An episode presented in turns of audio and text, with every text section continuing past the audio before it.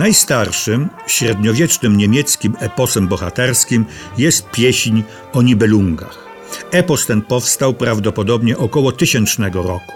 Pozostaje anonimowy. Wiadomo tylko, że napisany został na terenach dzisiejszej Austrii. Nawiązuje do prehistorycznych legend skandynawskich i częściowo historycznych związanych z wędrówką ludów germańskich, a szczególnie z klęską jednego z owych ludów, Burgundów, pokonanych przez Hunów w V wieku. Dlaczego zajmuję się tą legendą? Ponieważ na jej podstawie powstał oczywiście między innymi, jeden z najbardziej fascynujących, niezwykłych i kontrowersyjnych filmów w historii światowej sztuki filmowej i kina w ogóle. Epos podzielony jest na 39 rozdziałów. Polecam piękny polski przekład Roberta Stillera, zwanych pieśniami. Autor nie był, taki panował wtedy zwyczaj, nazbyt oryginalny. Korzystał z różnych źródeł ale nadał całości kształt piękny, dramatyczny i poetycki.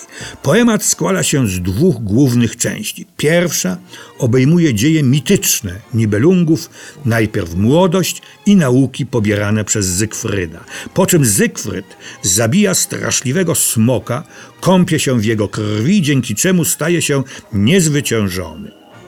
Niestety, w czasie kąpieli liść przykleił się do jego ciała i w tym miejscu znajduje się jego przysłowiowa pięta Achillesa.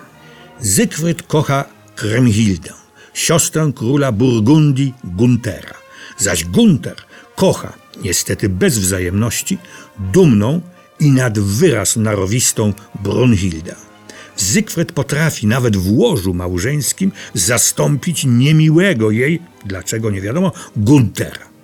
Między Kremhildą a Brunhildą narasta konflikt, który będzie miał poważne następstwa. Nieprzychylny, i to bardzo, Zygfrydowi jest Hagen, czarna postać tej opowieści, wierny do śmierci wasal króla Guntera. To on w czasie wielkiego polowania zabija zdradziecko, podstępnie Zygfryda celując precyzyjnie włócznią w miejsce, w którym osiadł ów nieszczęsny liść. Druga część tej wspaniałej legendy zamienia się w prawdziwy thriller. Kremhilda wychodzi za mąż za wodza Hunów, Attillę, czyli, jakbyśmy dziś powiedzieli, wodza najeźdźców, który przyrzeka, że on i jego wierny wasal Rydygier będą zawsze stali po jej stronie, gdyby ktokolwiek ośmielił się nastawać na jej cześć. Motorem przemyślanego i okrutnego działania Krymhildy jest jedno zemsta na mordercy, szerzej na mordercach jej męża. Krymhilda z premedytacją zaprasza swego brata Guntera wraz z dworem Chodzi jej oczywiście przede wszystkim o Hagena, zabójcę jej męża, na swój dwór. Doprowadza do konfliktu, do złamania świętych praw gościnności i wierności. Dochodzi do monstrualnej hekatomby. Chcąc zemścić się na mordercy męża, a przedtem dowiedzieć się od niego, tylko on zna to miejsce, gdzie znajduje się legendarny, pożądania godny skarb Nibelunga – doprowadza ona do totalnej zagłady. Zemsta Krymhildy niszczy wszystko i wszystkich. Ta legenda odkryta została dopiero w XVIII wieku. Kiedy ją opublikowano, stosunek do niej był bardzo zróżnicowany. Król Prus, sławny Fryderyk Wielki, a także jeden z najznamienitszych filozofów niemieckich Hegel, uważali tę legendę za, cytuję, bezwartościowy śmieć. Z drugiej jednak strony wykorzystana ona została pozytywnie w czasie walk niepodległościowych Niemców w XIX wieku. Genialny kompozytor Richard Wagner, tworząc swą tetralogię Pieśń Nibelunga, odszedł od pierwowzoru. Dlaczego?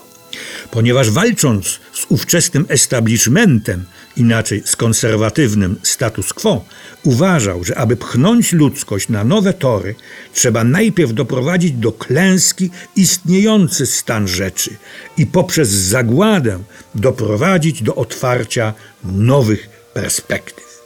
Wagner wbrew temu, co się powszechnie sądzi, nie był ani rasistą, ani oszalałym nacjonalistą.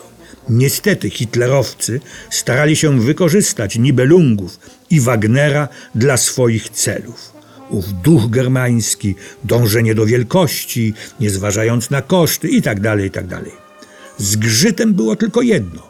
Całkowita przecież klęska bohaterów tego eposu. Ładna perspektywa, która zresztą się spełniła, kiedy tysiącletnia Rzesza legła w gruzach. Filmową epopeję zrealizował jeden z największych reżyserów okresu przedwojennego, Fritz Lang. Uważał on, że Niemcom po klęsce w I wojnie światowej trzeba dać jakiś znak nadziei. Wskazanie na heroiczną, jaka by ona nie była, przeszłość podniesie na duchu, pozwoli uwierzyć we własne siły i wartości. Takie było założenie, choć zarzucano reżyserowi pochwałę germańskiego supermena i zbliżającego się zwycięstwa brunatnego faszyzmu. Ale Lang, kiedy nastał hitleryzm i proponowano mu najwyższe stanowiska w hitlerowskiej kinematografii, wyjechał czym prędzej do Francji, a następnie do USA. A hitlerowcy chcieli wykorzystać pieśń o Nibelungach na przykład po klęsce pod Stalingradem, twierdząc, że najpierw trzeba polec, żeby się potem odrodzić.